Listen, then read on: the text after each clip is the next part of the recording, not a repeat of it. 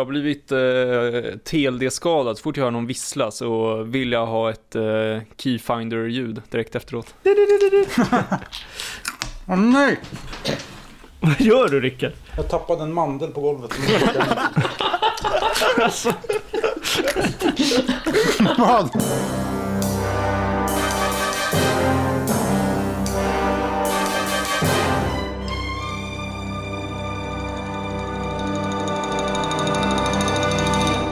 Tjena, tjena och eh, varmt välkomna tillbaka till Tid för podd eh, och det kvinnliga 48 avsnittet av denna podcast som är den första podden om, första svenska podden om James Bond ska jag säga. Eh, I vanlig ordning så är vi fyra herrar närvarande. Jag heter Emil och vad heter ni andra som är med mig denna afton? ja, jag heter Otto. Jag heter Rickard. Och jag heter Emanuel. Hur är läget med er? Det är bra. Det är skönt. Jag är 100% arbetslös så det är väldigt skönt.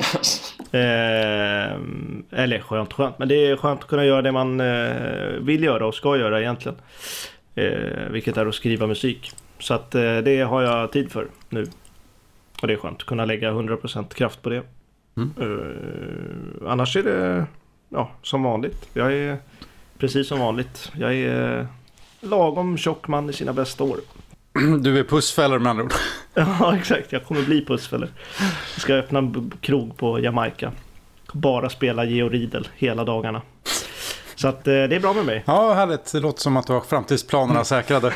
Jag har framtiden för mig. Ja, men det är, det är bra, eh, bra här med. Ehm, ja, men livet är rätt eh, lugnt och fint just nu. Ja. Så att det är inte så mycket att klaga på. Man ska inte klaga tycker jag för mycket. Man ska säga ja till livet. Och det gör jag just nu. Är det där en tråkig Ja. attityd tycker jag? Man ska klaga. Livet går ut på att klaga.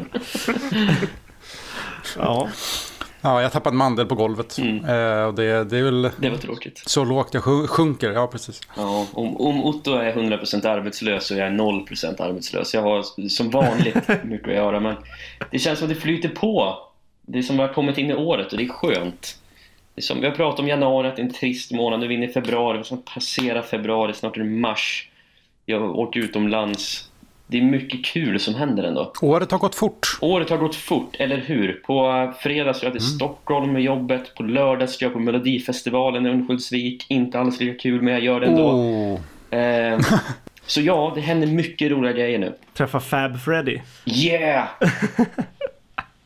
Ja, herregud. Jag är inte så taggad på riktigt på Melodifestivalen ifall någon undrar. Men jag gör det ändå. Jag ställer upp för familjen. Ja, det är bra det. Det ska du inte göra. Nej. Och hur är det med Emil då? Eh, Det är eh, fint, tror jag. Jag har inte riktigt eh, hunnit tänka efter, för jag har inte haft så mycket tid att tänka senaste veckan. Det har varit full rulle med både det ena och det andra. Flyttat, som vi pratade om i förra podden, tror jag. Just det, var det Oxelösund eller? Eh, ja. Eh, och eh, ja, det är en jävla flytt där med. Kommer hit. Eh, ska flytta in på fjärde våningen och eh, alla hissar är trasiga. Mm. Då kände jag mig faktiskt, eh, det är nog första gången jag kan relatera till Die Another Day, för då kände jag mig lite som General Moon när han får träffa Grace på slutet och ser hur sin son ser ut. Jag vill bara liksom, ja, jag, jag blev förkrossad. Vilken jävla liknelse alltså. Ja, Ja. Ja, det är ändå rätt redig bajsmacka alltså. Ja. Vi har ju fått eh, titel på nästa Bondbok Ja, just det, just det, just det. som är Forever and a Day. Spontana reaktioner på, på den? Det känns som en titel som ett Bond-fan har kommit på. På både gott och ont. ja. Lite generisk, men ehm, eh, ja, alltså själva konceptet är ju ändå lite äggande. Det kan bli pannkaka, men det kan också bli väldigt bra. Så att det är ändå lite spännande. Jo, så är det. Så är Eh, det. ja, för den som inte vet så är det alltså en bok som ska eh, utspela sig före Casino Royale.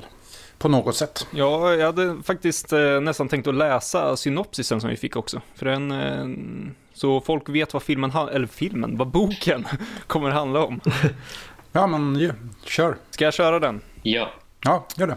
The sea keeps its secrets, but not this time. One body, three bullets. 007 floats in the water of Marseille, killed by an unknown hand. It's time for a new, new agent to step up. Time for a new weapon in the war against organized crime. It's time for James Bond to earn his license to kill. This is the story of the birth of a legend in the brutal underworld of the French Riviera. Jag tycker det är spännande. Alltså när jag läste det först, då trodde jag att det var att vår, alltså vår 007 James Bond hade dött och att han i något drömstadie tänkte tillbaka på sitt liv. Och då fick jag kalla kårar och tänkte nej, nej, nej, nej, det får det inte vara. Sen kom jag på, de menar ju att det är den gamla 007 såklart. Ja, exakt. Mm. För det är ju ett kodnamn. men det är ju många som, det är många som eh, tror att James Bond är just själva kodnamnet men 007 är ju själva agenten Ja, som kan bytas ut. Men James Bond är ju James Bond. Den andra heter ju liksom Gunnar Karlsson eller något annat. Så att det är inte liksom... Precis, Gunnar Karlsson floats in the waters. Ja exakt, av Marseille. Nej men det är ju det folk har svårt att skilja på. Verkar det som. Ja. ja. Eh, nej, men det spontana med den, den där synopsisen är ju... Det här liksom Birth of a Legend är ju... Ja, ja det är lökigt. ja det är lökigt som tusan alltså. Men sen det sista går jag igång på som tusan. Vad, vad är det? In the... um, Brutal underworld of the French Riviera. Ja, det känns ju riktigt mustigt, bondigt, 50-tal. Så ja, men det, det tycker jag kan, det kan, det kan nog bli, bli något där alltså. Jag håller med. Det, det går jag igång på ordentligt. Sen själva, vad ska man säga, den större biten av att det kommer bli en prequel till Casino Real, det är så här, ja, antingen blir det fantastiskt eller så blir det pannkaka. Men eh, Ja. det beror väl också lite på vad Horowitz har tänkt att göra med det.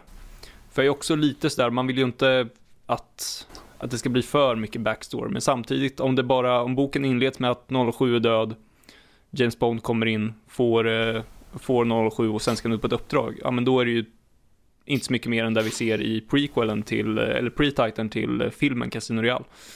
Så det behöver ju inte liksom fläckas ut så ordentligt om det här. Nej, absolut. Allt, det, det hänger på hur det hanteras Exakt. helt och hållet. Det får vi se. 28 maj Mm. kommer den. Sen ryktas det ju om att det här är ett oanvänt manusutkast från Fleming, precis som Tredje Mortis var baserat på ett liknande. Och då är det ju väldigt intressant om Fleming hade idéer på vad som hände innan Casino Royale. Fleming eh, hängde ju en del på den franska rivieran också. Han skrev ofta om platserna han hade besökt och satte Bond på de platserna. Ja, exakt. Och sen är det ju också att i Casino Royale förklarar Bond hur han fick sin licens. Att och det var ju att han sköt en japan i New York och han dödade en norsk i Stockholm. Och då undrar, då undrar jag, kommer det vävas in i den här boken? Eller kommer de strunta i det och gå vidare? Med tanke på att det är Horowitz och med tanke på att det kanske är Fleming-material så måste de använda det här, i min åsikt. Det vore ju, ja, det är ju, hade ju varit coolt alltså. Och sen, den enda sak jag är lite orolig för på förhand och det är, om vi, om vi struntar i utförandet och allt det där för det blir som det blir. Jag hoppas inte att boken slutar på kasinot där väl Casino Real börjar. Alltså samma kväll. Jag hoppas inte det leder in så direkt utan att det liksom får passera någon tid däremellan. Ja, att det är en fristående historia ändå. Ja, det kan bli, bli lite väl... Ja, Men jag tror det kan bli bra. Ja, allt ska ju, allt ska ju vävas ihop idag så det är inte så vanligt att det blir Mm. som du sa Emanuel. Jag är optimistisk. Jag är mer optimistisk inför den här än vad jag var inför Trilly Mortis. jo, men det måste jag ändå säga att jag kanske också är faktiskt. Mm. Och eh, med det så är det väl dags att sparka igång det här avsnittet. Mm, det tycker jag. Jajamän, vi ska nämligen prata om eh, Bondbrudar. Det är helt enkelt tid för självständiga kvinnor och kuttersmycken.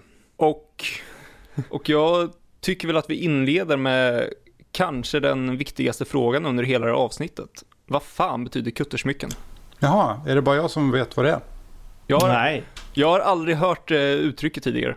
Nej, Nej men kuttersmycken eh, brukar man kalla tjejer som eh, eh, tjejer som hänger med män som har tjejer bara för att de är snygga. För att de ska se snygga ut och liksom vara, ja, eh, höja statusen på själva mannen.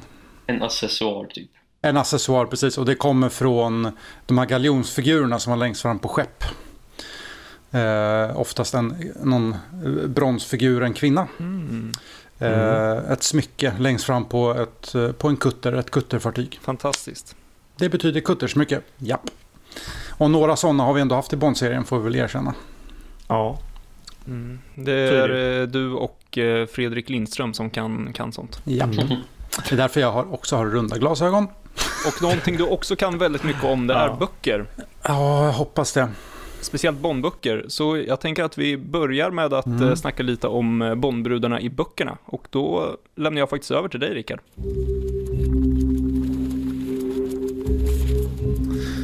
Ja, mitt dokument är framme. Bond och kvinnorna i Flemings böcker. Så härligt akademiskt som det bara kan bli. Nej, men den här klassiska eh, kvinnokaraktären i, i Flemings böcker är det som man kan kalla för kvinnan med bruten vinge. Eh, Det vill säga eh, kvinnor som har något typ av problem. Och eh, jag har bara för mig själv räknat bara med romanerna. För novellerna i... Kvinnorna i novellerna eh, kanske är lite väl... Eh, ja, de är inte så ut... Eh, Mejslade. ja, precis. Så jag har faktiskt plockat bort dem. Och eh, lite statistik. 8 av 12 kvinnor anser jag vara en sån här typ av kvinna. Och då kan man fråga sig vad är en kvinna med en bruten vinge? Det är typ då solitär som ju är hos, i någon sorts fångenskap hos Mr. Big. Eh, Tiffany Case som är fast i kriminalitet. Eh, Honey Rider är ensam och fattig. Och så vidare. Tracy Vincenzo deprimerad och självmordsbenägen. Eh, och den kan göra ganska, ja, ganska lång den här listan. Och så lägger vi då på detta eh, Flemings vana att ge vissa i alla fall av sina kvinnor en fysisk defekt. Som väl nästan på något sätt kan ses som en parallell till, till skurkarna kanske. Eh, Dominos ena ben är till exempel kortare än det andra. Honey Rider har en bruten näsa. Vilket ju gör att de här kvinnorna är inte alltid de här extrema praktexemplaren som vi ofta möts av i filmerna. Utan Flemings värld är ju då, som väl böcker kanske ganska ofta kan vara, mer nyanserad. Eh, för kvinnor både, både karaktärsmässigt och utseendemässigt vill jag i alla fall hävda. Och det blir ju som en liten parallell berättelse i många av böckerna. Att det, det handlar ju inte bara om att Bond ska rädda världen. Det är ofta huvudberättelsen såklart. Utan han måste också rädda den här kvinnan från hennes eländiga liv. Och det som jag har nämnt förut så får väl det ses som den här klassiska vita riddaren som kommer in, han ska döda draken och rädda prinsessan. Som är en väldigt klassisk berättartradition, eh, i alla fall för oss i västvärlden. Det intressanta är att Fleming går ju inte riktigt all in. Han hoppar ju över den här traditionella tematiken med, eh, ja, inom citattecken, de levde lyckliga i alla sina dagar. Och jag tror att Fleming är lite för cynisk eh, för det. Och vill gärna, i alla fall, även om man, det, de här böckerna är ju väldigt romantiserade, så vill han ändå att sin huvudkaraktär inte ska ha det för lätt. Ehm, och han misslyckas ju ofta, ja, alltid. Eh, I slutändan i alla fall, med sina relationell, relationella eskapader. Den meningen, usch, fint alltså. Nej, men, och det som är intressant är att det här ofta nämns av Fleming till skillnad från filmerna. Där man då konsekvent har valt att aldrig förklara egentligen vad som händer eh, mellan Bond och kvinnan. Ehm, som jag har räknat så är det sju av tolv fall eh, i romanen som vi får veta vad som händer. Vare sig det då handlar om Vesperlyns svek och självmord, eh, Gala Brand som visar sig redan vara förlovad, Tiffany Case som flyttar tillbaka till USA eftersom relationen inte fungerar och så vidare och så vidare. Och till exempel i Tatjana Romanovas fall så får vi väl anta att hon inte orkar sitta och vänta med att Bond ligger förgiftad och döende i sjuksängen. Så det... Ja, I min värld så är det ändå ganska tydligt att Bond i litteraturen inte är någon så kallad player utan han blir i stort sett lika mycket dissad som man själv dissar så att säga. Um, och det intressanta med det här som jag också nämnde i sammanfattningsavsnittet är ju att böckerna Dr. No from Rush of the Love, Goldfinger och Thunderball är de böcker där Fleming inte bryr sig om att förklara vad som har hänt med relationen med den respektive kvinnan. Och det är också då de här böckerna som blir de fyra första filmerna. Eh, det, ja, det kan vara en slump.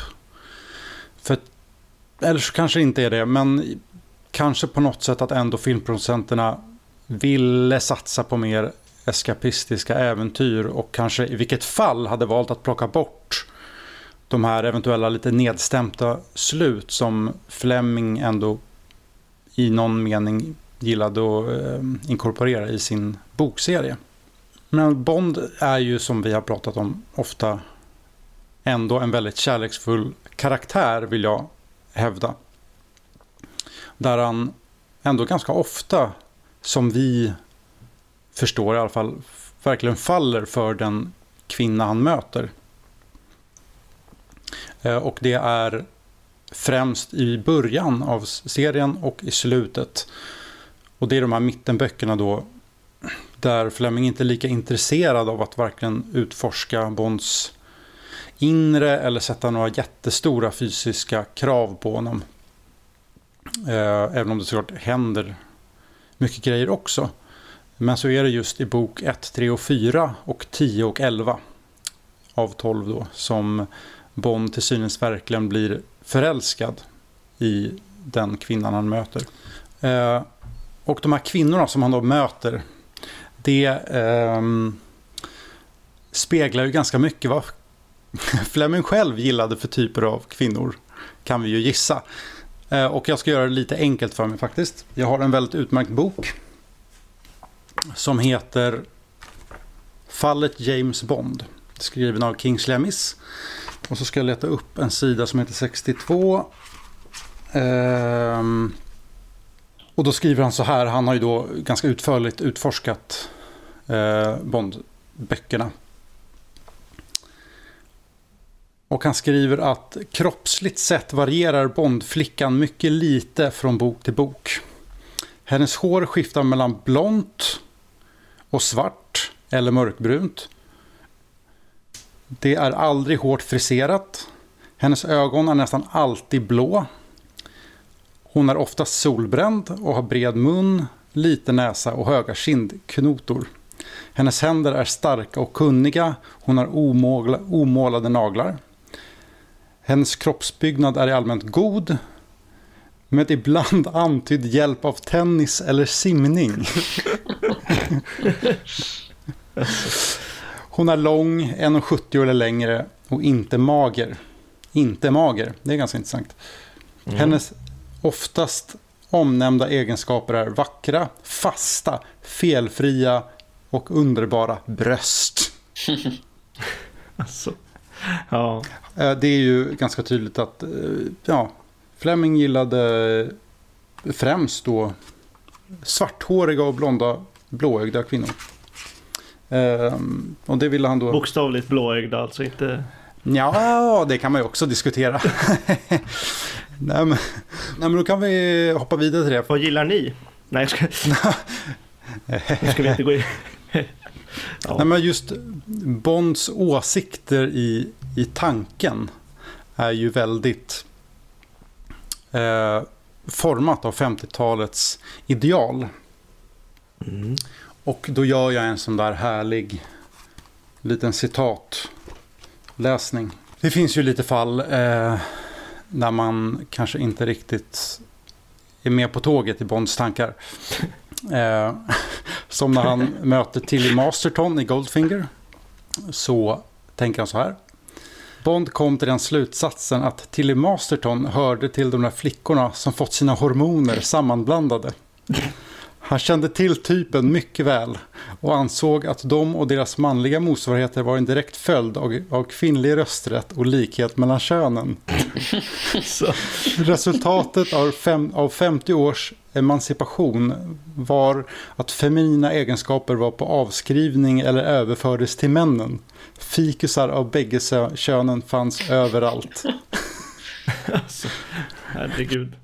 Ja, och det, det är ju alltså det är ju ja, det är ju lite väl uppenbart att det här är Flemings egna mm. idéer. Ja. Eh, jag, jag, jag, kan, jag vill fortsätta för det här är faktiskt en, det är, det, Uppseendeväckande. det är lika uppseendeväckande och eh, bara konstigt Bisarrt. och bisarrt. Eh, som det, man måste också ta det med en gnutta humor för att det är ju bara så konstigt. Ehm, Så är det ju också från möjligtvis den sämsta boken. Ja, men nu hoppar vi till en bättre bok, tycker jag i alla fall. Thunderball. Kvinnor kör ofta bil både säkert och försiktigt, men de är sällan första klassens bilförare. Bo- Bond var alltid försiktig när han hade att göra med en kvinnlig bilist. Han höll gärna undan och räknade med alla eventualiteter. Fyra kvinnor i en bil var enligt hans uppfattning rena döden och två kunde också vara livsfarliga. Alltså vad är det? Du har mycket roligt framöver i serien eh, Otto, i böckerna. Är det Ulf Brumbergs självbiografi eller vad är det för något? vad fan är det? Ja, du, eh, Nämner han inte något i eh, Casino Royale när Vesper blir tillfångatagen? Att Jo. kvinnor ska bara vara hemma och sköta om kastruller och jo, det kommer... slevar och skit. Vill du höra mer? Ja, jag vill höra mer. Ja, jag vill och vill. Det jag väl tvungen. Jo, men det är ändå, det är ändå intressant. Det, det är något... ehm, Ja, det är bisarrt. ja, och det här kommer från Casino Royale. Mm. Han suckade. Fruntimmer ägde sitt existensberättigande som förströelse på lediga stunder. Men i tjänsten var de bara i vägen och trasslade till begreppen med sex och sårade känslor och allt det övriga emotionella bag- bagaget de har i släptåg. Oj, oj, oj. Skriv, säger han inte satans kärring eller något? Silly bitch eller något i den texten också? Jo, men det är ju när han, det är ju när, eller tänker du på The Bitch is Dead? Eller tänker du på någon annan? Nej, nej, det, han säger typ uh, that silly bitch eller någonting flera gånger. Ja. I alla fall i min... De kanske har censurerat det i svenska versionen, jag vet inte. Jag tänkte på det där med känslor och sen går denna man runt och gråter när, eh, eh, när Jill eh, drar tillbaka till USA i From Russia With Love. Nej, Tiffany, Tiffany menar jag, förlåt. Ja, när eh, Tiffany Case drar tillbaka till USA. Ja, precis. Ja, ja exakt. Och säga, okej, nej, jag ska sluta med det här, men jag måste ta, det finns ju även den, den värsta vi faktiskt någonsin Mm. har stött på. Det är också Casino Royale. Nej! Vet du vilken det är? Jag eh, har mina aningar om det.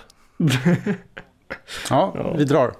Eh, vi, vi drar, jag Vi kör. sticker. Okej, hej. Hej då. Vi ses imorgon. Och nu visste han dessutom att hon var djupt och frestande sensuell, men att erövringen av hennes kropp, just på grund av hennes innersta oåtkomlighet, varje gång skulle vara förenad med motstånd och därigenom få en bittersöt, äggande bismak av våldtäkt. Mm. Rickard, du hade varit perfekt att läsa upp eh, sexnoveller. Jag hörde det på din röst där. Du har det perfekta djupet i det. Men det är bara när jag läser sånt här som är lite tveksamt, annars är det tråkigt. Nej, Nej. Nej men det är bara för att få en liten inblick i, eh, i de delar av böckerna som man inte är så förtjust i och som... För det är det, de här tankarna som då Fleming ingjuter i Bond tycker inte jag är förenliga med vad Bond faktiskt gör. För jag har alltid hävdat, och i min, liksom, i min värld, hur Bond är som karaktär, så är han en väldigt, till handlingen, en väldigt romantisk person och väldigt beskyddande. Eh, för att det man måste veta i, i det här fallet är ju att Bond är ju en agent som ofta är utsänd för att eh, lösa ett stort problem och han mördar folk på vägen. Och de här kvinnorna som då råkar hamna- i, i den här orkanen som, som allt det här för med sig har ju väldigt sällan själva någon erfarenhet av, ja, av det här. Av eh, agentlivet eller eh, kriminalitet och våld av olika sätt.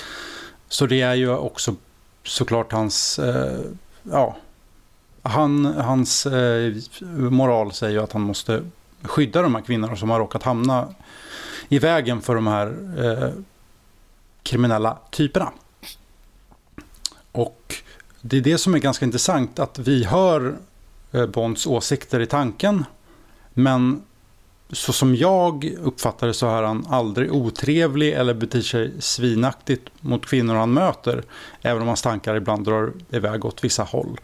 Ehm, och det, ja, som jag sa tidigare, jag tycker att det är lite för uppenbart att det är ju Flemings egna åsikter som skiner igenom. För varför skulle Bond plötsligt börja raljera om kvinnliga bilförare? Det är ju liksom som inte har...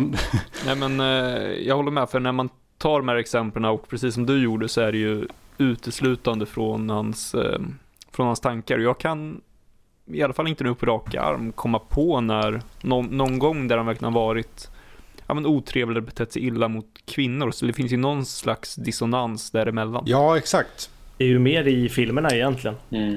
Faktiskt, Connery var ju svinigare i handling i sina filmer än vad Bokbond var i handling. Exakt. Ja, så är det ju. Det är, och jag menar, oavsett i, i böckerna eller filmerna i alla fall, jag talar ur egen erfarenhet och säkert eran, era åsikter också, men vi läser ju aldrig böckerna eller ser filmerna för den briljanta briljanta jämställdheten liksom. Utan vi, vi uppskattar ju, vi uppskattar ju filmerna av andra, av andra eh, saker. Och man, det är väl ganska viktigt att man vet om att det finns där. Så man inte bara är blåögd och ser, ser, inte ser något av det liksom. För det finns ju uppenbart där liksom. Som böckernas syn på ras, det är därför man läser dem. Ja exakt, nej men det finns ju, det finns ju liksom, det finns ju, ja som sagt var bisarra delar av det. Bara man är uppmärksam med dem så kan man ju uppskatta det andra. Det är ju det viktiga egentligen. Så att, eh, men det var ju mer uppenbart i filmerna tycker jag i början, eh, till och med i liksom Moores filmer. Så, ehm, så finns det ju mer än de böckerna jag har läst i alla fall. I hans handlingar. Ja, exakt. Och sen är det ju också att kvinnokaraktärerna i Bond-böckerna eh, om man bortser från just de här sekvenserna så är ju ändå de beskrivna med väldigt mycket kärlek. Och Bond visar alltid respekt för dem och ofta är det ju så att han faller för dem rätt hårt. Och jag menar hur de beskrivs, vilka situationer de är utsatta för och ofta vilken roll även de har i böckerna visar ju ändå att Fleming hade stor respekt för kvinnokaraktärer. Jag menar, det syns ju som allra mest tydligt i boken The Spy Love Me där Fleming väldigt kärleksfullt beskriver Vivienne Michel då, eh, som en, även är huvudroll, huvudrollen i boken. Och där tar han ju väl, verkligen henne på allvar och hennes historia och även vad hon är med om. Så att även om Fleming blandar in sina åsikter i Bonds tankar så är det nog för att sätta in oss som läsare i en speciell känsla eller ett speciellt tillstånd. För han är ju väldigt, Fleming var ju väldigt extrem i hur han skrev. Det var ju alltid väldigt mycket detaljer. Skurkarna var alltid large in a life och allt var extremt. Så jag tror att Fleming kunde väldigt lätt falla dit att skulle han beskriva en tjejs inkompetens, ja då var han tvungen att beskriva henne som riktigt korkad till exempel. Bara för att vi ska förstå snabbt det är så här det gäller. Och eh, Bonds tankar, precis som ni säger, har ju väldigt lite med det Bond faktiskt gör och hur han agerar.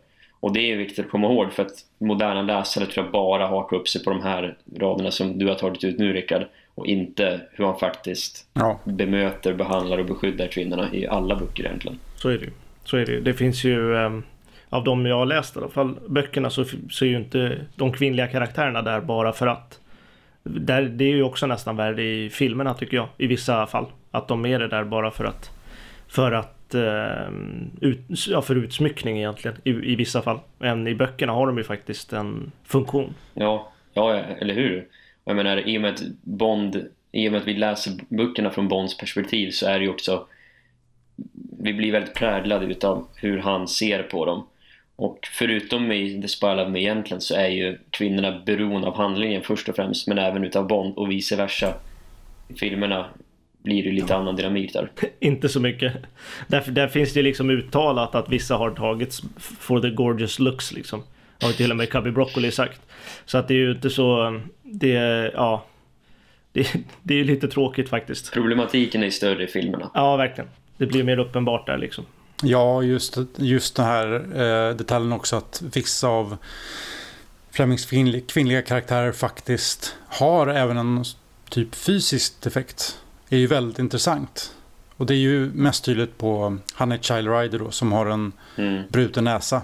Jag minns inte riktigt varför. Kan det ha varit i och med det att hon eh, blev våldtagen när hon bodde i, på Jamaica? Känns det som. Ja, Nu har inte jag läst Dr. No-boken på väldigt länge men jag tror det har något med det att göra. Ja det skulle kunna vara. Eh, och ja, Child är ju väldigt eh, medveten om det och är ju inte så förtjust att hon har en bruten näsa. Hon vill ju operera den Mm. rätt, så att säga. Eh, och Bond säger någonting i stil med att ja, men det, det går att fixa men det spelar egentligen ingen roll för du är fortfarande en av de vackraste kvinnorna jag har mött. Ja. Och Sen kan man fråga om det är, ja, det är ändå, han, han visar ändå liksom att det spelar liksom inte någon jätteroll att det, är liksom, att det finns skavanker på kvinnor. Eller ska, vad är en skavank också? Brist, liksom, brister. ja, och liksom, vad är en brist? Det är ju alltid sådana intressanta frågor. Men att... Det är en vrist med B. Jaha, Le Lenin med K. ja, exakt. Nej, men jag tror hon bröt näsan när hon var ute och flög med Pussfeller faktiskt. Och han flög in i taket på Pussfellers bar. Ja, men vad fan. Det, det är så jag minns det, men det var länge sedan. Nej, men jag bara får eh, konkludera där. Att, att, att Fleming var ju inte intresserad av att varken göra Bond eller kvinnorna till några sorts superkaraktärer som var övermänskliga på något sätt. Som vi ibland får känslan av i, i filmerna. Utan det var, det, det, jag tror att det är kanske delvis varför Flemings böcker ändå ofta landar väldigt, väldigt rätt. För trots att det finns så mycket absurda grejer kring skurkarna och vissa grejer som händer så landar alla fall de goda karaktärerna alltid på rätt sida vad det gäller hur de är karaktäriserade och de känns väldigt på ett sätt verkliga för att de får bakgrunder som ändå går att eh, mm. tro på. Men som på senaste tiden så har det ju liksom blossat upp en diskussion rent allmänt om huruvida författare, till exempel vita män, ska få skriva om svarta män till exempel och deras liv och hur kvinnor ska få skriva om män och vice versa. Att man inte kan sätta sig in i någon annans personlighet liksom. Och då har folk i förbifarten till exempel nämnt att Ian Fleming skrev om kvinnorna som om de vore, som att han vore en kvinna. Och jag menar, en sån diskussion är inte riktigt platsen för den här podden men jag tycker väl att det är intressant att Fleming lyckas göra varenda karaktär väldigt levande oavsett om det är en kvinna eller en man. Och eh, utan att man tänker just oj, nu skriver Fleming som en kvinna, man märker det särskilt. Men det känns aldrig. Och jag tycker att i både From Russia of Love och Thunderball så är bland de starkare delarna i böckerna där vi faktiskt får följa med kvinnan antingen på en berättelse eller på vad hon, vad hon gör. Jag tänker främst på Tatjana Romanovas egna kapitel i början av boken när hon blir kallad till Rosa Klebb. Hon, hon går runt i sin lägenhet och hon tänker tillbaka på sitt liv och man får verkligen komma in i hennes liv på ett sätt man sällan gör med, med kvinnliga karaktärer i Flemings böcker. Och det är jättebra berättat, jättegripande och framförallt väldigt levande. Och eh, där känns hon verkligen som en riktigt bra karaktär och det är bara, bara Fleming som beskriver henne. Och sen har vi Thunderball där, där hon pratar om eh, mannen på cigarettpaketet tillsammans med Bond. Och det är också den där dialogsekvensen hon bara drömmer sig bort och pratar om sin barndom och allt och det funkar riktigt, riktigt bra. Och som sagt, det är bland de bättre delarna i respektive bok. Jag menar, i hans värld så skrev han väldigt mycket utifrån sig själv säkert. Men han lyckades ändå ta ett steg ifrån sig själv och göra det levande. Ja, det, det, det är väldigt intressant att han... Man kan ju inte påstå att Fleming var så intresserad av, av att karaktärisera sina kvinnor som väldigt liksom starka, rent driv kraftsmässigt för att han ville ju inte att någon annan karaktär skulle ta över från James Bond som ändå mm. är huvudkaraktären. Det är ju rätt tydligt med även med Felix Leiter och eh, ja, Ernie Corneo i Diamonds of Forever och att Bond ska alltid vara huvudkaraktären. Och det är ju lätt att säga att, att, eh, att Flemings kvinnliga karaktärer alltid, alltid är den här kvinnan med bruten vinge. Men eh, det är ju också en, en, en 50-tals eh, bokserie. Och på 50-talet var det fortfarande en väldigt stark norm att, att mannen på något sätt såg som en beskyddare över eh, kvinnan i en relation. Och det, mm. det vill ju Fleming behålla. Dels för att eh, det, vad boken egentligen handlar om är ju James Bond och hans eh, väg mot att stoppa en skurk. Och han vill att Bond alltid ska stå i absolut yttersta centrum. Eh, och då är det inte kanske i Flemings värld kanske inte var så intressant att eh, göra en handlings, handlingskraftigt liksom driv, driven kvinna som i sådana fall eh, kunde ta, ta de the shining moments från hans eh, huvudkaraktär. Eh, men det har ju samtidigt, det, det tar ju inte ifrån att Flemings kvinnor faktiskt är väl utmejslade intressanta karaktärer på sin egen, för sin egen rätt. Så är det ju, så är det verkligen.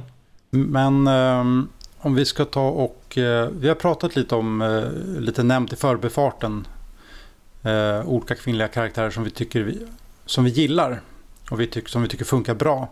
Eh, har ni någon sån enskild eh, favorit som ni tycker sticker ut bland eh, bokserien? Ja, det är varken Vesper eller Tracy, de kvinnorna som båda definieras och ska vara de viktigaste i Bonds liv. Jag tycker båda karaktärerna i förhållande framförallt till sina motsvarigheter i filmerna är rätt eh, tråkiga karaktärer. Och det är inte hur de beskrivs utan snarare kanske hur de introduceras i, i boken och vilken roll de har och sådär.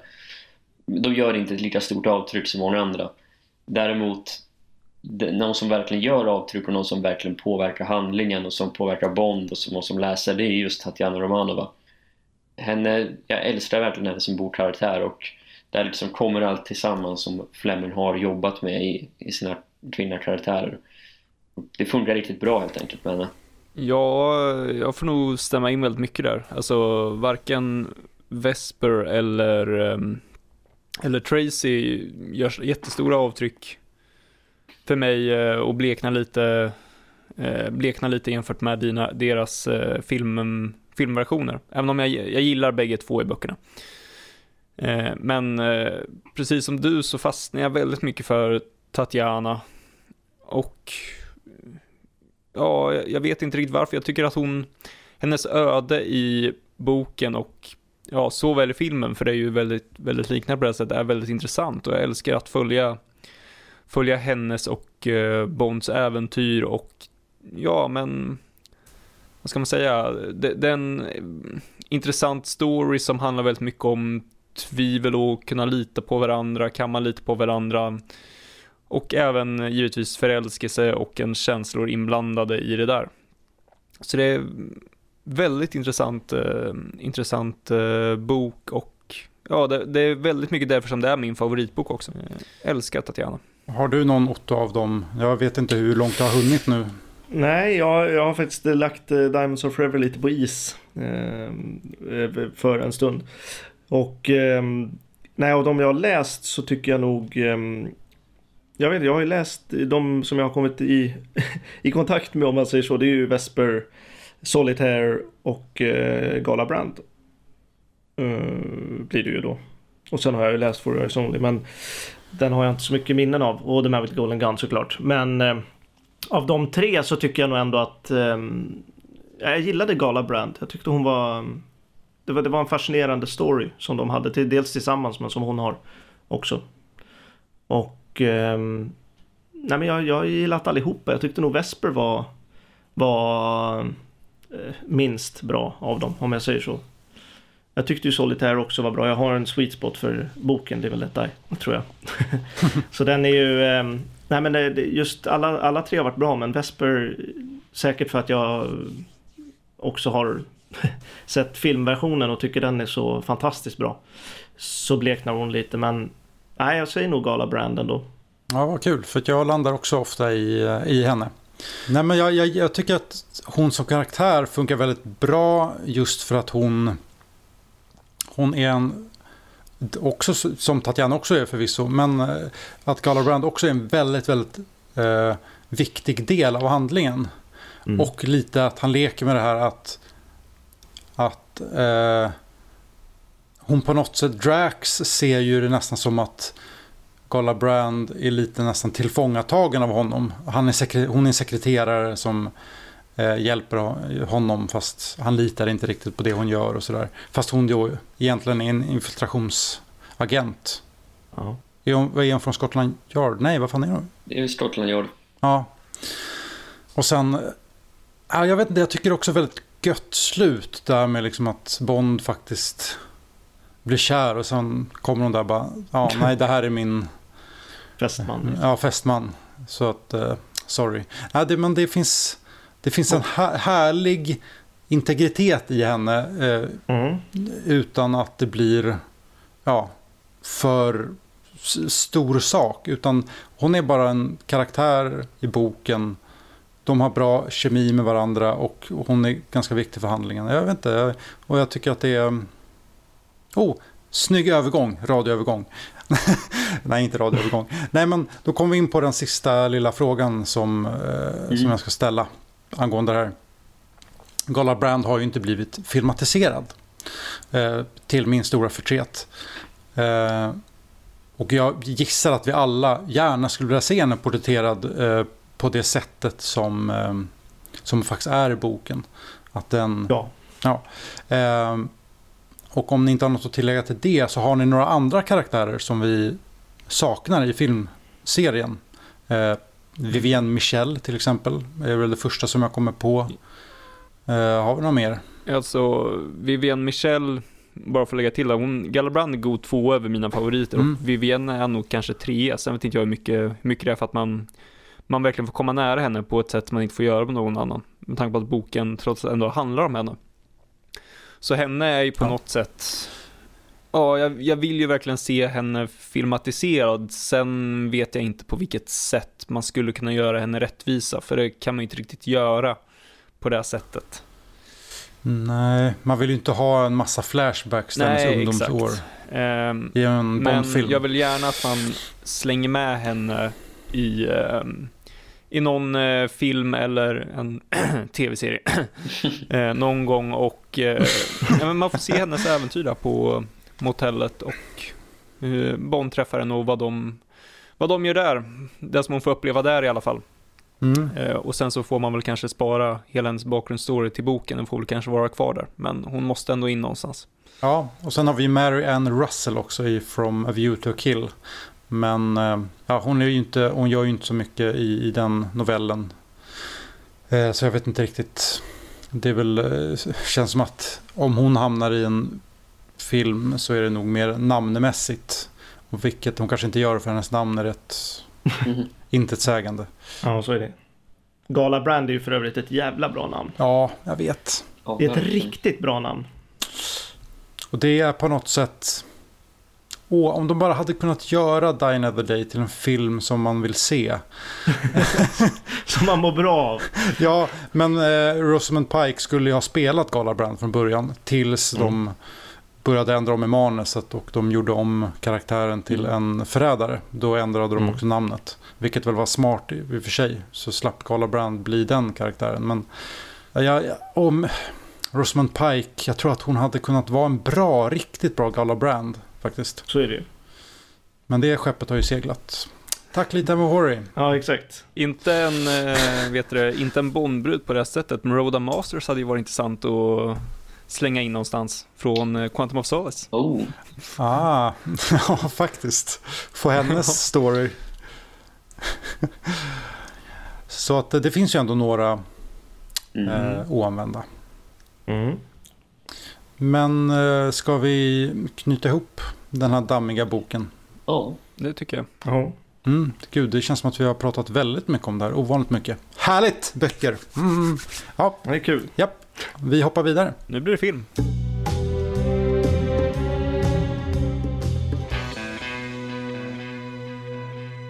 Och att eh, ta sig an en podd om Bondbrudarna är i alla fall för mig ganska svårt för att det är så många som har en uppfattning om vad en Bondbrud är. Så vi kanske måste börja i den ändan med just det här med allmänhetens bild av en Bondbrud och alla de fördomar som finns om dem. Vad säger vi om det och tycker vi att den stereotypiska bilden stämmer? Och som vi kanske också med tanke på att vi gjorde ett parodiavsnitt eh, har fått se lite, lite av. Eller är det liksom en orättvis bild? Nej, det tycker jag nog inte. Det, det, det jag tycker nog att man måste ju vara ärlig, eller måste och måste, men jag är ärlig. Och, och, och jag kan inte säga, man brukar ju ofta svara så här, ja och nej och sitta och ditta och datta, men jag tycker det bara är ja egentligen. För det är egentligen så, enligt mig så är det en av de, de svagaste karaktärerna sett över hela serien. Så är det kvinnok- huvudkvinnokaraktären. Ehm, kan jag tycka. För jag, jag har aldrig riktigt Jag tycker alltid skurkarna har stuckit ut. Ehm, ställena de är på har stuckit ut. Musiken har alltid stuckit ut. Låtarna har alltid stuckit ut. Men kvinnorna har inte alltid varit jätte liksom utmejslade. Som i böckerna till exempel nu när jag har börjat läsa dem.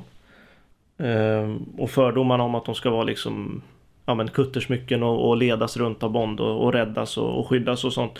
Stämmer nog ganska bra in på ganska många ändå tycker jag. Vilket är tråkigt. Ja, ja, det som är synd är att de karaktär, kvinnliga karaktärer som jag faktiskt tycker funkar och som jag gillar väldigt mycket är ju tyvärr inte de som är så kända.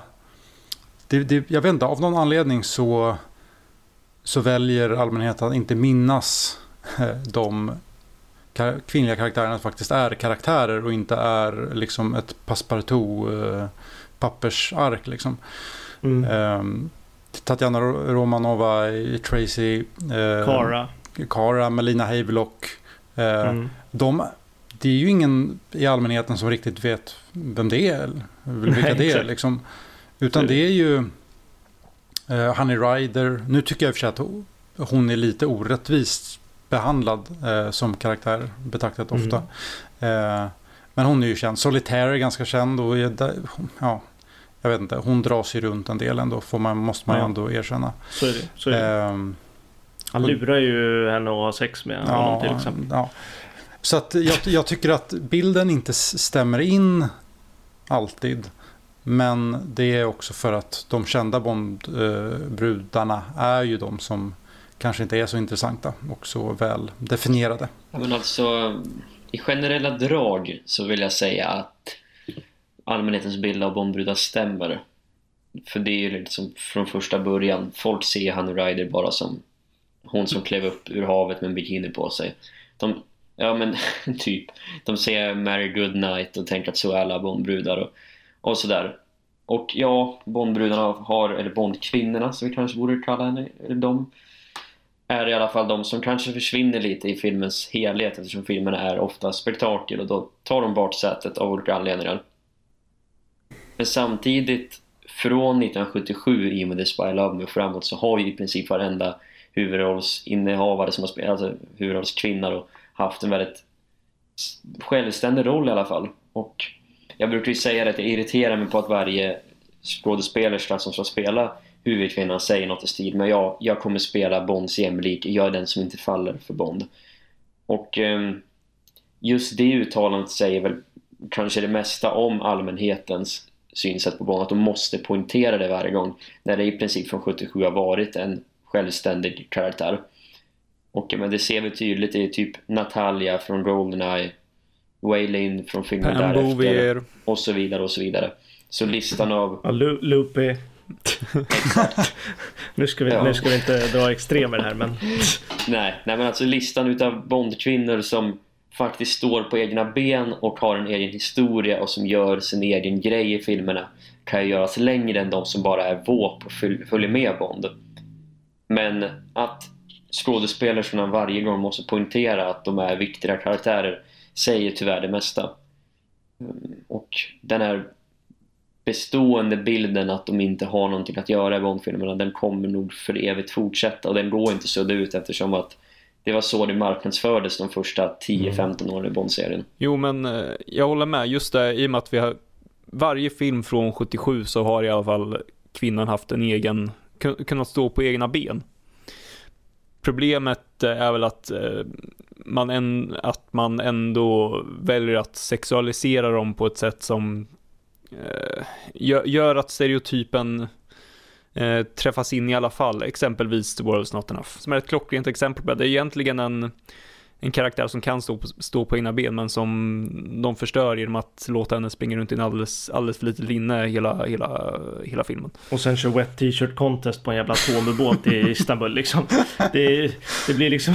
Ja, hon står på egna ben men i en våt t-shirt. Ja, nej men så egentligen så, jag, jag vill väl eh, säga att den stämmer till stor del, men det kanske inte har så mycket att göra med att karaktärerna i sig har varit jättedåliga på de senaste 30 åren. Eh, Men det finns ju trots allt ändå en bild där som, som man väl ändå får säga stämmer en del, även om mina favoriter, precis som Rickards, inte riktigt är dem. Nej, så är det ju. Så är det. Jag tycker det är intressant, jag kom på vad jag skulle säga nämligen.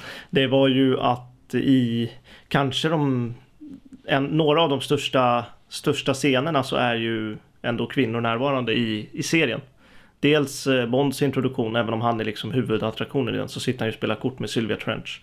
Och sen när Honey Rider kommer upp ur havet och sen guldmålade eh, Jill. Så det är ändå, de har ändå varit närvarande i många av seriens största scener. Vilket är eh, eh ganska intressant tycker jag. Med tanke på när filmerna gjordes. Fast, de två, Mm. fast två av de, de exempel du nämnde är ju kanske inte riktigt bra exempel på scener där kvinnorna står i centrum av bra anledningar. Nej, de är nakna och guldmålade men det är Whatever floats your boat som det heter. Ah, Det räcker för somliga. Nej men det som Rickard sa i Dr. No-podden apropå Han- Rider tyckte jag var väldigt bra. Eh, För du sa något i stil med att Honey Rider slutar med att hon ligger fastbunden i slutet på klimaxet och sen i, i Spectre 2015 så sitter Madeleine Swan fast- fastbunden även hon och att det säger en hel del om Bond-serien att vi inte kommit vi har inte kommit längre än fastbundna kvinnor på 55 år. Och ja, även om Madeleine Swan i Spectre är väldigt annorlunda mot vad Honey Rider i Dr. No så slutar de ändå på samma sätt. Och när de manusförfattarna inte vet vad de ska göra med en kvinnokaraktär då använder de dem istället som offer i någon form. Och det är väl kanske en anledning till varför folk tänker att de är lite huvudlösa och inte har så mycket att tillföra. När de mer ofta än inte gör någonting viktigt för filmen. Ja, de får ju ofta ikläda sig en offerroll, vilket jag tycker är lite, ja, dåligt får jag väl säga. Mm. Det är sam, samma sak där, mina favoriter har inte riktigt varit offer på det sättet heller. Det är, fan, sluta göra dem till offer. Gör Bond till offer istället, som i The World Is Not Enough. Jag vill se mer en gråtande Bond. Nej, men jag, mina favoriter är ju inte heller några av dem. Jag har ju Cara och, och eh, vad heter det? Natalia. Som två av mina favoriter. Mm. Och Cara hon är ju liksom, hon följer ju mest bara med. Och sen så skjuter hon raketgevär i slutet av filmen. Liksom. så att det, det är liksom, det, det är ja, väldigt fint. Men eh, och, och Natalia är liksom, hon klarar sig själv. Kan du hantera ett vapen? Det är klart hon kan. Hon laddar och skjuter direkt liksom, eller kör igång. Så att det är inget, det är liksom, Mm. de två gillar jag. Och eh, skåd, skådespelerskorna också, skådespelarna. Ja, det är intressant med just de två eh, karaktärerna och skådespelare. De är ju inte sexualiserade överhuvudtaget i sina karaktärer. Ja, exakt. Faktiskt. Eh, jag menar, Natalia springer runt väldigt mycket i, i ryska koftor och liksom. exakt. Ja, det är ganska intressant. Ja, det är väl de, det kanske är två av de minst sexualiserade av Bondkvinnorna ändå. Ja. Sen om vi tar, tar typ Wei Lin och Camille, de är ju likadana, men de kommer ingen ihåg istället. Det är för att de är totalt menlösa. Ja. Men förutom att eh, inte vara menlösa, inte vara översexualiserad och kunna ha en egen story, finns det något mer som en bra Bondbrud slash Bondkvinna ska ha? Nej, jag tycker det blir, det blir ju mer intressant. Alltså oavsett vad det är för kön på karaktären, om, det, om karaktären är en karaktär. ja. Jag menar, det, blir ju, det är ju lika ointressant om du sätter in en, en, en manlig karaktär som inte har någonting där att göra förutom att gå runt och visa sina muskler eller vad det nu kan vara. Det är ju ganska ointressant liksom. Nu har i och för sig det blivit en filmserie, den heter Rambo, men det är ju inte... Eh, det är, finns ju liksom inte någon, någon, någon, eh, något värde, i alla fall inte för mig, i det. Faktiskt. Så att det är ju liksom oavsett, oavsett kön på det så tycker jag ändå att det är mer intressant när karaktärerna är de facto är karaktärer med en agenda och en, en story bakom liksom. Mm.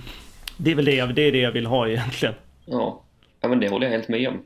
Jag menar, så länge en karaktär är där för att tillföra någonting i form av driva handlingen framåt eller driva andra karaktärer framåt så är det en bra karaktär.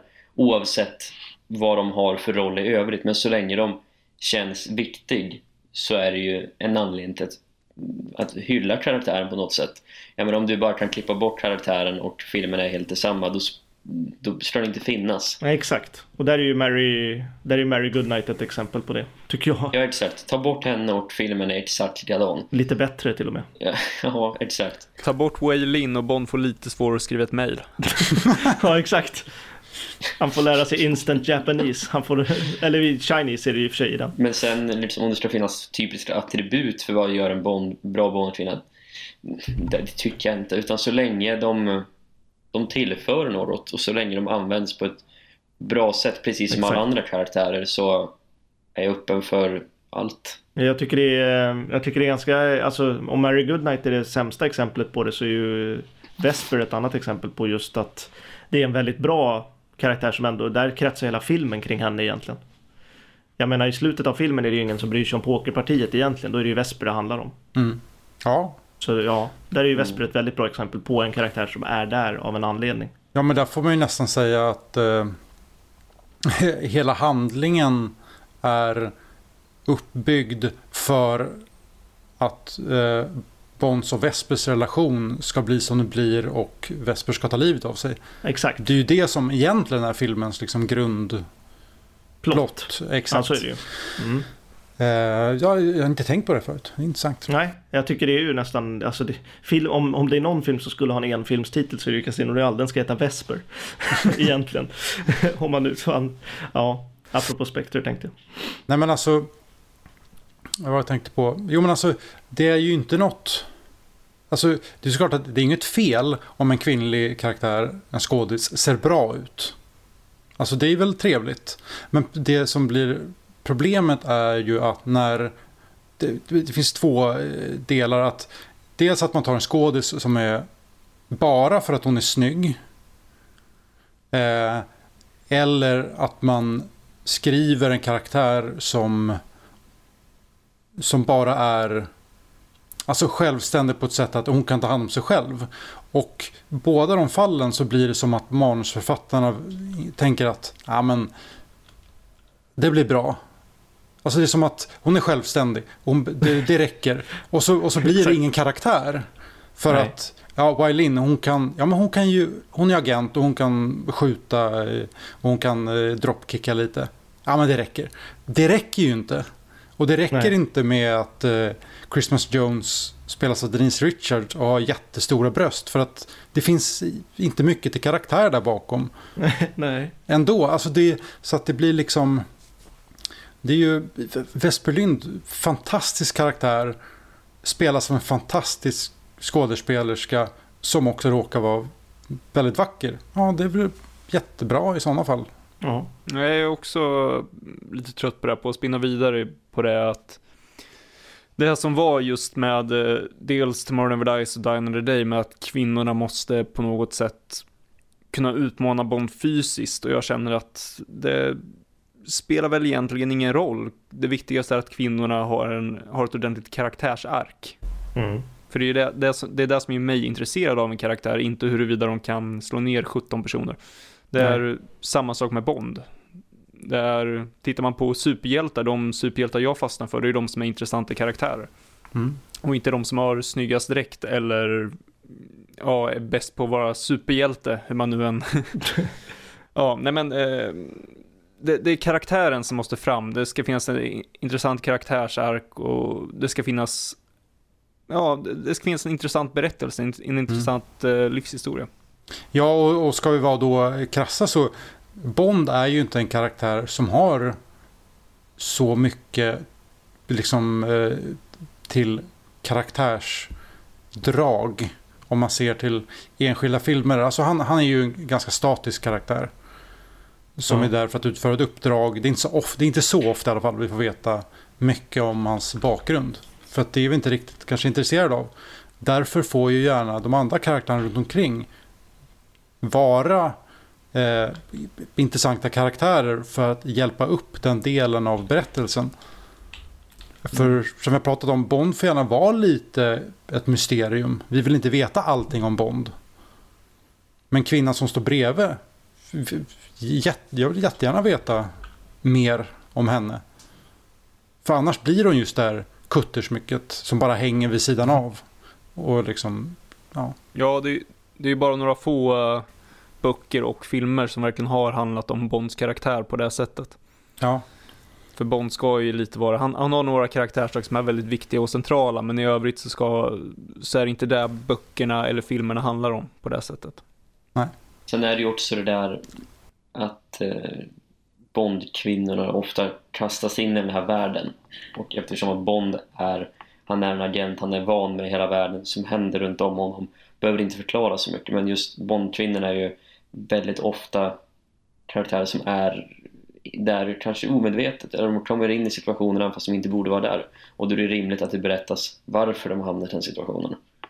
Så där finns det ju ofta en naturlig ingång till det också, utan att det behöver göras för övertydligt. Aha. Men eh, vi har ju varit inne på det lite, men nu tycker vi att eh, utvecklingen, över ser, eh, utvecklingen över serien har varit och tycker vi att kvinnornas roll i filmerna har speglat samhällsutvecklingen eller kan det till och med finnas ett inslag av politisk korrekthet som har slätat sig över Bondfilmerna de senaste, senaste årtiondena? Jo, men det är såklart att det, att det har påverkat. Eh, för mig personligen i just det här fallet så tycker jag väl inte att det är något...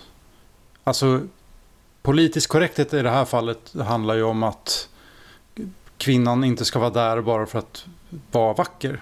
Utan det ska tillföra något till storyn. Och i det fallet så är politisk korrekthet väldigt bra. För att jag är inte intresserad av de typerna av kvinnliga karaktärer. Eh, problemet är väl att eh, producenterna, manusfattarna, regissörerna inte riktigt har vetat hur de ska hantera det. Eftersom vi har sett ganska många platta fall eh, på den sidan de senaste 20 åren. Ja, Eh, så är det ju. Ja, det, det är ju såklart att det är, det är enklare att stoppa in en, eh, en vacker tjej som springer runt och hop- hoppas på att publiken köper det.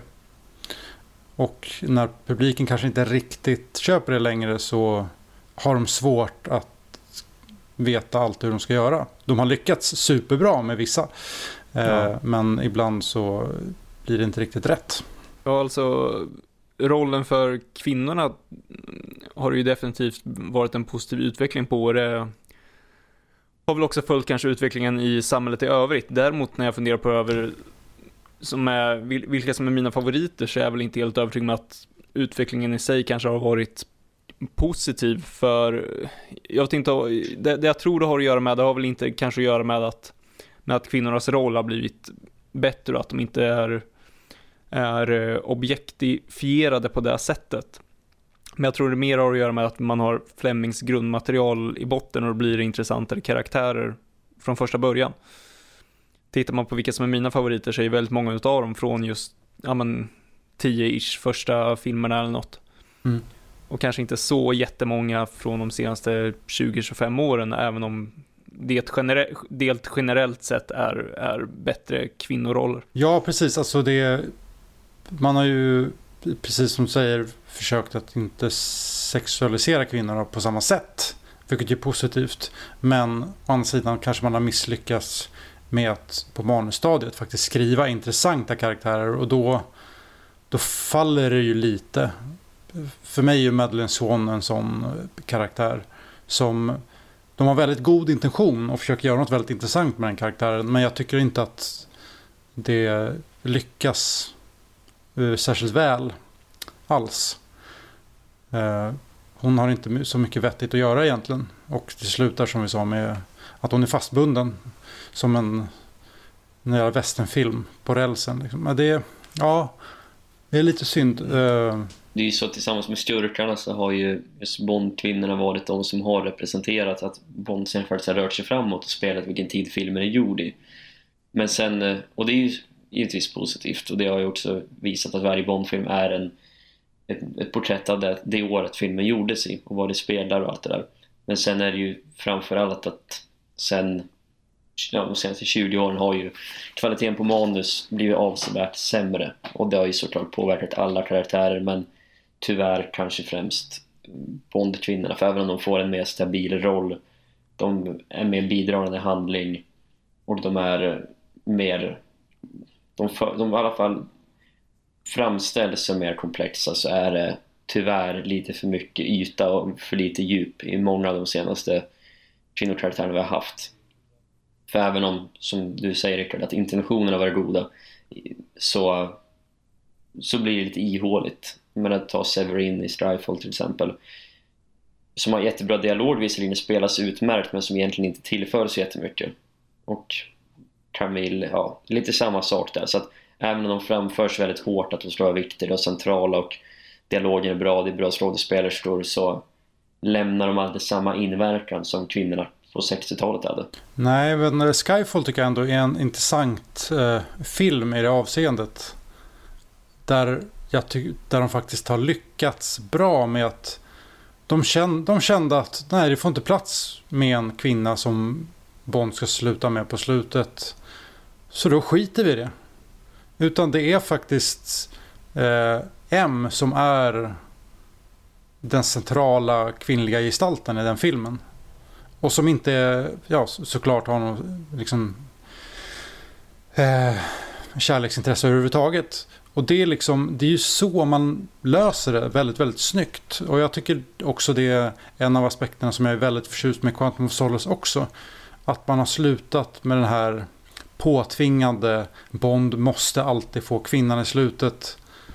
Eh, jag har alltid tyckt att det är väldigt ointressant. Eh, sen eh, lite Craigs plågade utblick eh, eh i bilen där efter att de har kyssts och hon går iväg. Kanske man hade kunnat hoppa över. Men, men på det hela taget så tycker jag det, det ja, jag, jag gillar det, det greppet. Eh, och att de de ska inte alltid göra så, men att det, det är lite uppfräschat. Det är, det är fortfarande Bondfilmer i, i, sin, i sin rätt. Eh, oavsett om man ja, gillar dem eller inte, eh, Otto. Eh, men eh, ja, exakt. jag tycker ändå att för mig är det fortfarande i högsta grad Bondfilmer. Och det spelar ingen roll att de slutar så, för att det passar filmen så himla väl. Och då är det rätt att göra så i just de fallen. Ja. Och sen just i Skyfall också, dels då att M på något sätt ska vara Bondbrun i den filmen, men det är också en skurk som man bygger upp och låter ta så pass enormt mycket plats som huvudskurken nästan aldrig får. Så vi har mm. ju, eh, vi saknar hantlang, eh, en ordentlig hantlangare, vi saknar eh, en Bondbrud i den filmen och det är för att skurken byggs upp så pass mycket, får så pass mycket screen time, får så pass mycket backstory, får så mycket allt i den filmen. Mm.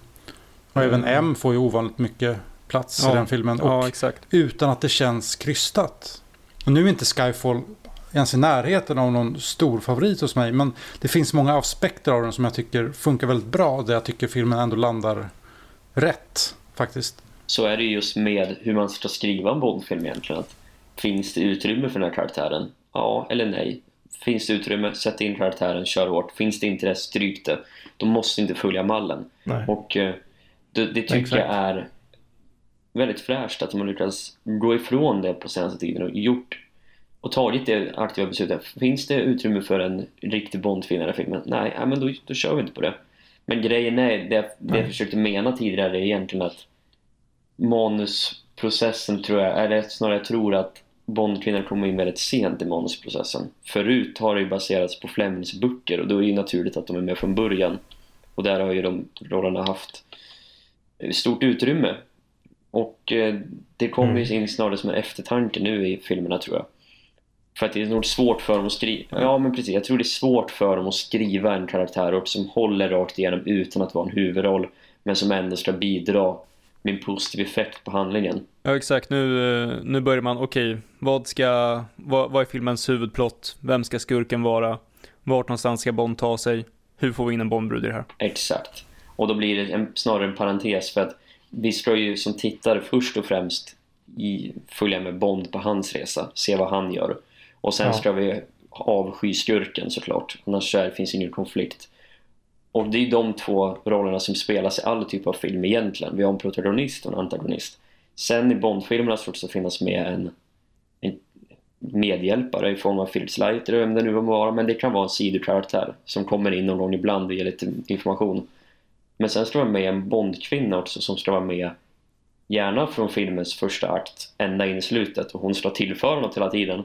Men samtidigt får hon aldrig ta förarsätet. Och det är en svår roll att skriva och göra intressant. Och sen ska någon spela rollen också. Så jag förstår om de har problem att göra en sån här karaktär. För det är inte något som är jätte, jättevanligt i filmer rent generellt. De får börja centrera handlingen mer runt den kvinnokaraktären lite. Casino Royale eller From Russia With Love eller något sånt. Ja, ja jag tror det är vägen att gå. Men eh, det finns ju exempel inom populärkulturen på väldigt många kvinnokaraktärer som har gjort stort avtryck, Wonder Woman, Sarah Connor och så vidare och så vidare. Eh, har Bond-kvinnorna gjort, eh, vad ska man säga, inspirerat eh, kvinnor i andra filmer eller i populärkultur i övrigt? Det där är en jätte, jättesvår fråga faktiskt. Um... Jag vill sticka ut hakan där och säga nej. Utöver namnen som har parodierats i all evighet, som vi pratade om i förra podden, så, så har de inte liksom Bondkvinnor, även om de har varit med så mycket så har de inte kunnat, de har inte bitit riktigt på allmänheten på det sättet ur vilka karaktärer de faktiskt är. Möjligtvis Honey Rider, men det är samtidigt också din bild snarare än en karaktär. Så jag har svårt att tänka mig det, mer än möjligtvis någon gång på 60-talet, men då var ju alla inspirerade av Bond på alla sätt. Så nej, jag tror inte det. Möjligtvis Judi Dench på något sätt. Ja, sant. Uh, och hon är ju inte en Bondbrud i den bemärkelsen, men det var ju ändå ett, tror jag i alla fall, känslan att det ändå var ett stort kliv för Bond-serien att ändå hoppa på det. Ändå relativt tidigt får man väl kanske hävda. Mm. Ja, de säger ju det i um, dokumentären Everything or Nothing. Vad skulle de tycka om en kvinnlig M? Vad skulle de tycka mm. om Pierce? Vad mycket, mycket om, mm. om och sådana saker inför Goldeneye just. Men det var ju, Beck har ju fått en kvinnlig chef i, eh, ja men bara för att ta den parallellen. För där hade de ju Per Morberg som chef först i Peter Haber Beck i alla fall. Och sen blev det Marie Göransson och sen dör hon också. Ja, jävla Beck. Eh, så att det, ja, Gunvald är Daniel Craig helt enkelt. så det, det, går att dra paralleller. Nej men eh, förutom Beck då så får jag väl ändå instämma i att jag, jag, jag faktiskt eh, jag har försökt att tänka ut någonting, men jag tror ändå att svaret är nej. Det har nog inte haft så mycket mer inverkan på den att det har varit ikoniska ögonblick eller ikoniska karaktärer i sig. Och det kanske faller också tillbaka lite på det vi var inne på tidigare, att den där bilden av en Bondbrud, den stämmer nog tyvärr lite för mycket för att det ska bli en karaktär, eh, eller för att det ska bli karaktärer som kan inspirera andra till att någonstans ta efter. Ja, och det är ju, Ja, men det är ju jättesvårt, det känns nästan omöjligt att skapa en birollskaraktär som ska göra ett sånt avtryck. För att det är ju, faller lite på sin orimlighet. För det är en filmserie om James Bond. Mm. Alltså det, är ju, det finns en anledning varför vi nämner, eller du nämner Wonder Woman, eh, Sarah Connor, vi kan slänga in eh, Ellen Ripley. Ripley, precis, för att de är huvudroller ja. i sina respektive filmer. Så är det. Så det, det är svårt att göra, men det är såklart att det inte hjälps av, att, av den allmänna bilden och att de kända Bondbrudarna är just mm. brudar och inte så mycket mer. Mm. Det säger en hel del när man kan reducera ner en hel karaktär ner till ett namn egentligen. Så jag menar, ja. ja. Och på 70-talet och 60-talet kanske inte förväntades mer än så, men nu krävs det ju mer tanke bakom vad en karaktär ska vara rent generellt. Särskilt från en kvinnokaraktär. Ja, och det räcker ju inte längre med en... Eh, för att en film verkligen ska slå så måste den ju vara relativt bred. Mm. Och gärna tilltala båda könen och olika åldrar och Doo och Dupty Doo och allt det där. Um, och det spelar väl också in. Att försöka bredda sin publik. Vi, eh, eftersom att vi eh, inte har något bra här så kan vi slänga ut det till våra lyssnare. Har ni, eh, har ni tänkt på någon, någon karaktär i någon tv-serie, filmserie eller film överlag som är väldigt tydligt inspirerat av vad en Bondbrud är så skriv till oss så får vi veta. Precis, och inte på ett parodiskt sätt då. Eller? Nej, helst inte. Utan, det har vi ju, nej det har vi ju några exempel på redan. ja, exakt. Eh, men eh, ska vi då gå vidare och eh, krona våra favoriter? Otto har ju redan nämnt sina, så han kan ju vara tyst nu. Men då vill jag fråga er, vilka är era... Frågan är om jag kan vara tyst. Så... vilka är era favoriter i filmbond-serien? Oh, det känns som att vi har nämnt det här. Kan det vara sammanfattningsavsnittet kanske? Det har vi nog gjort jag. Ja. Ja. Och vad sa jag då? jag vet inte riktigt. Och du vet inte om du håller med om det? Nej men eh, jag brukar ofta falla tillbaka på eh, Tracy DiVincenzo. Faktiskt. För att jag tycker hon eh, är så helgjuten på så väldigt många sätt. Eh, för att jag tycker faktiskt att hon är en väldigt, hon är faktiskt självständig i den, i den rätta bemärkelsen. Eh, hon gör faktiskt saker på sin egen hand utan att det känns corny. Hon slår ju ner Grunter, Mm. är det det? Ja, det är det. Ja, hon kör bilen i biljakten eh, och hon har också en bra backstory. Hon är inte bara yta. Utan Nej. hon är ju problematiserad karaktär. Hon, det- första vi får möta henne är att hon försöker begå självmord. Ja. Och det är visst att just den delen av karaktären kanske man inte tränger in i jättemycket. Eh, för att det är fortfarande en liksom, äventyrsfilm. Eh, men jag tycker hon funkar ja, jättebra. Och eh, Diana Rigg är en väldigt bra skådespelare. Jag tycker hon eh, gör rollen perfekt. En av de bästa som har spelat en Bond, en kvinnlig karaktär i Bond skulle jag säga. Det, oh ja. Diana Rigg just. Ja, d- och, och, och till råga på allt så fick hon, har hon också fått kanske en av de ja, jag vet, svårare. I och för sig det är ju väldigt svårt att göra en karaktär som Miss Goodnight kul. men eh, kanske lättare att göra något med Tracy men jag vill, Ja. inte, jag vill inte tänka mig att Britt Ekland skulle ha gjort den rollen. Nej. Nej, men det måste ju vara en av de, en av de karaktärer, tror jag i alla fall, där em, hon är med i första och sista scenen. Av Bondbrud alltså, som är med i första och sista Oh, scenen. intressant. Oh, Om man inte, om man inte räknar med, alltså när Q står och pratar om radioaktiv Nej. ludd. nej, men hon är, eh, nej, men det hon är med i första, i pre-title och i sista bildrutan. ja, det är, nog, det är väl väldigt ovanligt att, Ja, att, att eh, Bondbruden är med i pre-title-sekvensen va? exakt hela filmen liksom. Ja, pre-title-sekvensen. Ens det, de brukar ju presenteras efter. I pre-title-sekvensen brukar det vara någon som absolut inte har ett karaktärsark. Om det nu är med någon kvinna. Men, eh, men, nej, det är ju, jag kan inte komma på någon egentligen. Mycket, mycket bra. Bra in... Ja, precis. Vem har... Ja, Barbara, Barbara Bach är med i pre-title. Ja, exakt. Anja Masova. Sant. Och Melin, nej, Melin är inte med. Jo, hon sitter där i bakgrunden i helikoptern och Ja, hon är lurar. på, hon är på, exakt. Hon är längst ner i skorstenen och tar emot. Nej då, men eh, Ja, det finns ju, finns ju några som man får träffa precis efter. Kara är ju bara någon, några sekunder efter att just det. slutar så får vi se henne. just det. Ja, det var en intressant iakttagelse tyckte Ja. jag själv i alla fall. Mm, det tyckte jag också. Ja, vad kul. Du kunde inte vara tyst Otto. Nej, Kom in och var mest intressant direkt. det är min grej vet ni. Ja, nej men för mig finns det egentligen två kvinnor i mitt liv. Och det är... Rosa Klebb och Irma Bunt. Vad sa du? Din mamma? Sa du det? Jag tänkte säga din mamma och Judi Dench, men Rosa Klebb och Irma Bunt funkar ju också. Ja, underbara kvinnor. Eh, nej, men eh, de, två, jag- de två jag tänker mest på. Det är uh, Vesperlund och eh, Domino. Av två helt olika anledningar egentligen eh, Esper Lund just för att hon är en väldigt viktig karaktär både för Bond och för hela filmen i sig som hon är med i. Och för att hon lämnar avtryck i många andra, eller många andra filmer, en annan film som råkar vara min favorit visserligen.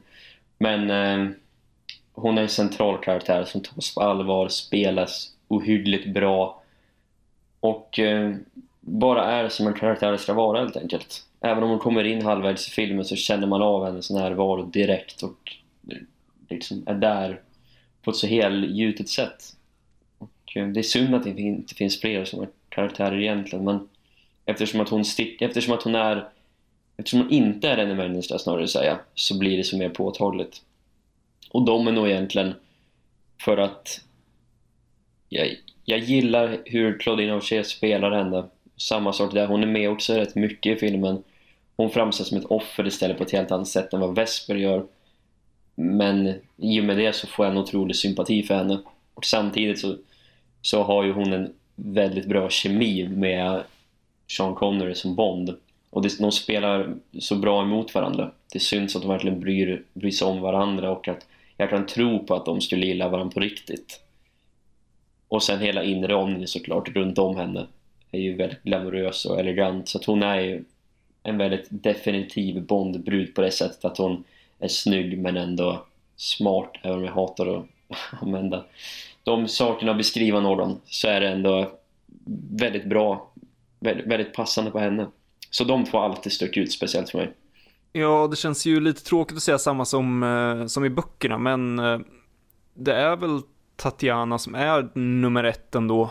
Eh, till att börja med för att eh, lite som jag nämnde med eh, böckerna, det är en fantastisk, eh, fantastisk karaktär på många sätt. Hon kommer in i hon kommer in i filmen på ett väldigt naturligt sätt, på ett väldigt bra sätt. Hon får vara med och driva filmen framåt och hon är fantastiskt spelad av Daniela Bianchi.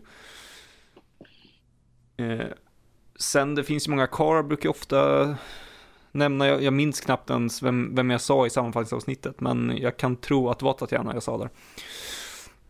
Men eh, Cara ligger väl också nära till hans, alltså det, det, är många, det är flera där, där bakom som ligger högt uppe, men Tatiana måste nog ändå vara nummer ett. För hon är 10 av 10 både i sättet hon är skriven och sättet som hon är spelad på. Så hon mm. får 7 av 10. Nej. ja, exakt. Jag tycker det är intressant eh, med tanke på den som får mest skit för för just eh, den Bond i alla fall som får mest skit just i, i det vi pratar om nu, Blod mot kvinnorna, är ju Connery. Jag tycker han känns som den som har bäst kemi med, med huvudkvinnorna. Av alla som har spelat, eh, spelat Bond egentligen. I alla fall de fyra första tycker jag han har bra kemi med allihopa. Ja, och framförallt det känns som att han bryr sig om dem också. Väldigt mycket på ett sätt de andra inte gör. Han, han, han, han spelar ju väldigt mycket den där eh, klassiska 50-talsstereotypen. Beskyddar beskydda rollen liksom. Ja, men sen är det väl också att han var ju... Han var väl också väldigt trevlig och rolig på inspelningarna samtidigt som han var väldigt professionell. Så att jag tror att han också klickade med sina både motspelare och motspelerskor. Vilket gör att det, det smittar ju av sig på filmen sen också om, eh, om samarbetet funkar. Jo, men han hade ju ett väldigt stort, eh, väldigt stort hjärta för sina medspelare tror jag. Det var ju, det var ju en mm. berättelse när han, vad heter det, slog ner Lana Turners eh, ex-pojkvän Johnny Stompanato eller vad han hette. Och när han, när, när han, han, kom in och trodde att uh, Connery och, uh, jo om man är italienare så kan man det. Men um, han uh, trodde att Connery och Lana Turner hade en affär. Och så kom han in och hotade Connery med en pistol. Och tog han pistolen ur handen på honom och slog ner honom. Eh, det känns typiskt Connery. han var ju en eh, rätt tung gangster i gangster. Las Vegas. Så ja, han exakt. hade ju rätt mycket folk runt om sig. Så Connery vart ju dödshotad därefter. Ja, så, men Connery sket ju i det. Han blev Bond istället. Han sa ju han sa ju fuck off bara och sen körde han vidare. Eh, vill du säga dina två igen Otto innan vi går vidare? Eh, ja, Cara och eh, Natalia. Och för att vara snäll så vill jag jag vill eh, säga mina bubblare. Bara för att eh, det känns snällt att få nämna Vesper, Kara ja, och Melina. Som fina bubblare. Melina tycker jag är alldeles för bortglömd. Ja, faktiskt. Hon glöms bort alldeles för mycket. Mm. Med det så ska vi lyssna på musik. Music.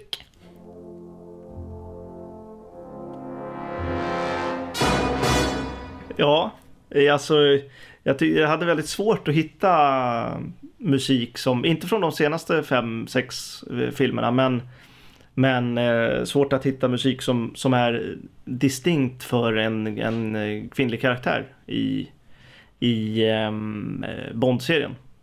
Eh, det är lite, vad ska man säga, det, det har väl varit musik när, när kvinnor är med, men det har inte riktigt varit teman för, för den kvinnliga karaktären. Eh, speciellt från Barrys tid då. Vi har ju We have all the time in the world som spelas när, när Bond och Tracy har sitt kärleksmontage som Emil älskar. Och um, ja, det finns ju många olika. Solitaire har ju också musik när hon introduceras. Um, men det är ju i princip Bond-temat som spelas där. Så att det, ja, det är lite svårt. Men de, de, som jag tänkte ta upp i alla fall. Jag tänkte spela ett medley av dem och sen så uh, säga vilka det är helt enkelt. Så att vi kör väl det här helt enkelt.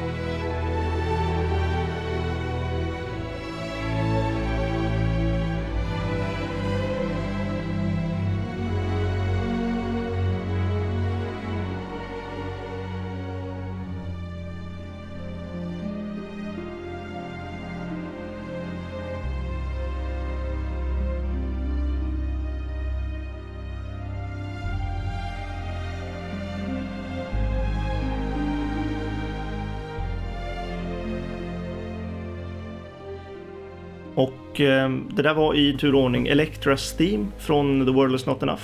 Och sen Vesper och Solange från eh, Casino Royale. Och sen har vi ju Severin från Skyfall och Donna Lucia och Madeleine från, från Spectre. Och det är väl egentligen de senare filmerna som, som kvinnorna har fått teman egentligen. I alla fall så distinkta teman så att de har ett spår som heter som karaktären. Eh, om man ska vara helt ärlig. Eh, så det, jag vet inte riktigt, det finns ingen riktig, de har ju inte den här klassiska femme fatale musiken längre i, i Bond i alla fall, att det är sax och, och, och mycket sånt. När det kommer fram en kvinna, som i Nakna Pistolen. Ehm, så att det är ju, jag, jag har inte riktigt någonting, någonting vettigt att säga, jag brukar alltid ha massa saker att säga. Men ehm, det finns inget riktigt distinkt för ett, ett, ett kvinnotema i Bondfilmerna. Faktiskt. Nej, det är ju de här... eh, Alla de här spåren är ju rätt snarlika får man väl ändå erkänna. Väldigt lyriska. Det är väl något som är väldigt eh, Ja. distinkt i så fall. Solange, Madeleine, Donna Lucia, Severin. Det är ju eh, rätt tydligt. Jag tror att det är en kanske lite allmän trend i filmmusik också. Hur man gärna skriver lite feminina, vackra teman eh, för att porträttera en Ja. kvinnlig karaktär. Jag kan tycka att det är lite, eller det blir också... Visst, det är fina spår. Men det kan också bli lite upp, väl upp, liksom överdrivet ibland. Inte, inte lika mycket som sa- saxar i kvadrat, men ändå liksom... Nej, där har vi ju Pussy Galores Flying Circus liksom. det är vidrigt alltså. Det är, jag blir fan förbannad bara jag tänker på det. det är uppåt väggarna dåligt alltså. Ja, Den som ändå jag tycker sticker ut lite är ju Vespers tema. För att det finns nog lite bitterljuvt över det hela. Ja. Extremt melankoliskt. och förebådande också. Nej men eh, ja, absolut, det, det märks ju ganska tydligt att till i alla fall Newman, nu ska jag inte klanka på Newman men jag tar gärna chansen. Men eh, när eh, han skrev Severin till Skyfall och sen så får han eh, uppdrag av Mendes att skriva någonting liknande. Så, så, så märker man ju att dels trenden i filmmusik och eh, även här i Bond att det som funkade i förra filmen används gärna igen. Ehm, och mycket av musiken temp, tra, tempas ju med, alltså temp track, alltså använder musik från tidigare filmer med, med musik som, som låter snarlik. Så att man får egentligen filmmusik som låter som varann hela tiden. Ja, det är det. Eh, Vilket är ganska trist. Exakt. Men Vespers tema är ett av mina favoritspår i, i hela serien.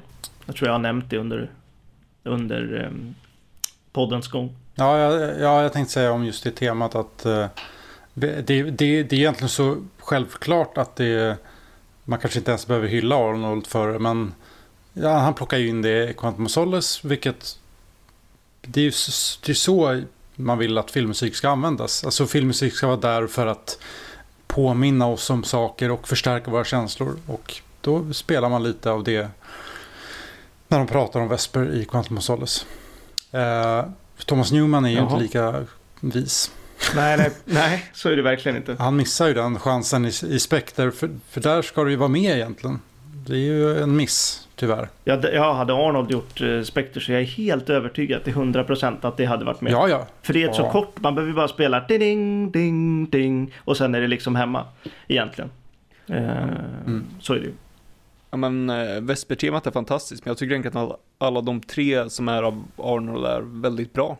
Ja, Mm. så är det Så är det ju.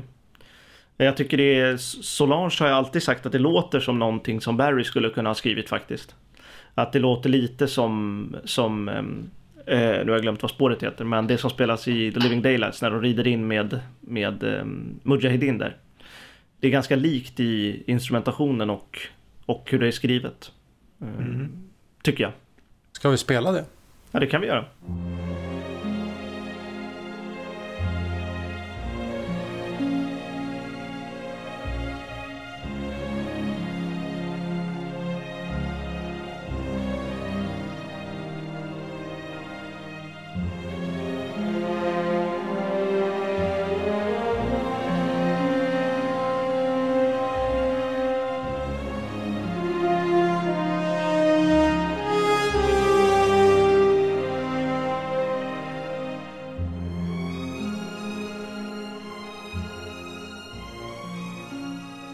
Spåret heter Mujahedin and Opium, kommer jag på nu. Så att eh, Ja, just det. då vet ni vad det heter.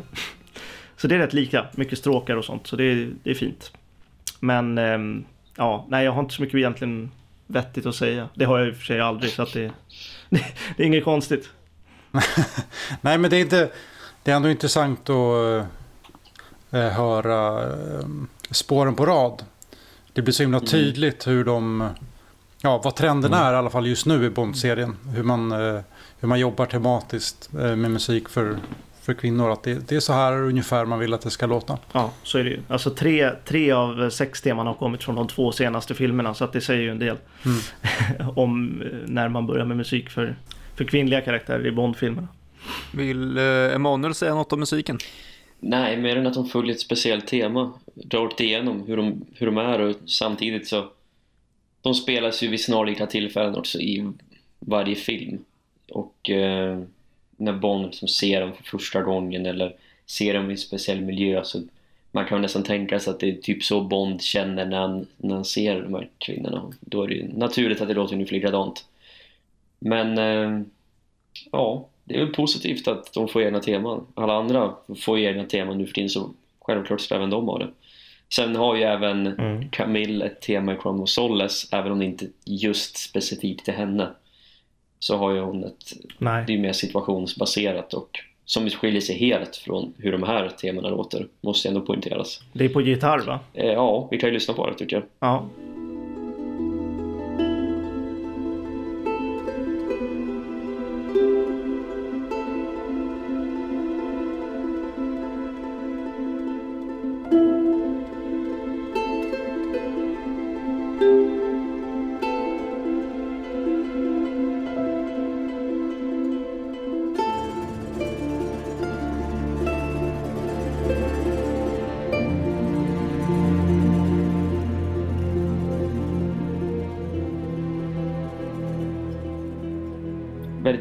Tema tycker jag. Jag tror det finns med i, jag tror det finns med i eh, The Dead Don't Care About Vengeance tror jag. När de sitter i bilen där. Det är möjligt. Det stämmer nog väldigt bra det. Mm. Så det, det är ett bra tema. Ja men det är ganska bra, jag gillar det faktiskt. Jag gillar det. Men det är ju en litet skifte från hur John Barry alltid han, Barry jobbade ju väldigt mycket med teman, men han jobbade ju inte med karaktärsteman på det sättet. Utan det är ju situationsbaserat. Det var ofta ett actiontema, Kärlekstema. kanske ett eh, Mm. kärlek, exakt, som inte egentligen symboliserar en specifik kvinnlig karaktär, utan mer en situation. Liksom. Nej, men det, det är ju en skillnad mot hur man har börjat jobba då nu. För det är intressant att de kvinnliga karaktärerna då nu ofta får ett tema. Men skurkarna har ju sällan ett liksom, Nej. tema på det sättet. Nej, så är det, det är väl typ det jag kan komma på först och främst som har, ett, som har en skurktema, det är ju Necros. Han har ju haft ett, eh, han har ju nästan det mest distinkta temat i hela The Living Daylights. Ja, Men där är ju skillnad mellan Barry och, och William som jag ska ta det. Han har ju teman för allt och alla. Eh, verkligen. Alltså ser man en, en, en scen med någon eh, karaktär så har den personen definitivt ett tema i en Williams-film. Men ehm, nej, han, han skriver inte så mycket situationsbaserade teman. Men det gör ju Barry. Och eh, Arnold och Newman skriver inte teman alls. jo då, det gör han, men inte, inte så distinkta kanske. nej, nej. Nej, men det är som, eh, bara som, eh, han har ju ett, ett spekter-tema i, eh, Ja. ja, ja spekter. Alltså som ska symbolisera organisationen spekter. Men det är, och det är ju liksom, det är ju en väldigt subtil tema. Det är ju en ackordföljd i stort Man sett. får leta. Ja, exakt. Jag hittade den ju efter fem gånger på bio, kan jag säga. Då tänkte jag att det där kan vara ett spektertema om man letar riktigt längst ner i byrålådan liksom. Ja, Hamnade längst ner i flyttlådan efter flytten. ja exakt. Det hamnade på golvet efter Skyfall, så tog han upp det igen. Ja, jag tror att den ligger bredvid min mandel här nere på golvet. ja, exakt. Oj, oj. Men om vi tänker på musik igen så tycker jag att ett av de mest slående ögonblicken i vad Fleming skrev så är det när Bond träffar Tiffany Case för första gången i hennes lägenhet, eller i hennes hotellrum i London. Då spelas ju Edith Piafs La Vie en Rose på hotellrummet hon sitter. Och det är så fantastiskt. För även om vi givetvis inte hör låten för vi läser en bok så känner man ändå låten och man känner miljön Bond befinner sig i och när han ser henne första gången hon, vänder, hon sitter vänd mot en spegel liksom. Hon vänder sig om långsamt och tittar på honom.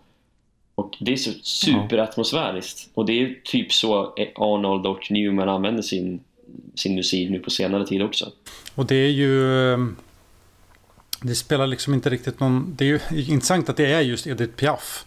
För att även om man kanske inte liksom kommer ihåg exakt hur den låten låter.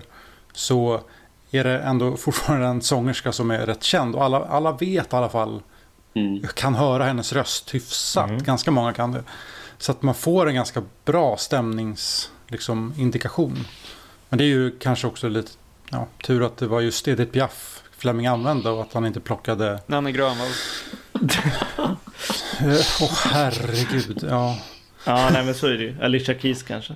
Men eh, nej, det är ju... Den, den, jag, jag kan i alla fall höra hur den låter, men det, det känns väldigt atmosfäriskt som du säger, Emanuel. Ja, ska vi knyta ihop avsnittssäcken där? Ja, musiken är over and out. Och då, ja, tackar vi i vanlig ordning eh, Thomas eh, Drugg och Anders Frejd. Och vi Mhm. tackar eh, Anton Otander, logo, Lars Logotyp och alla andra som eh, hjälper till. Och jag tack, tackar min dator för att den har hållit.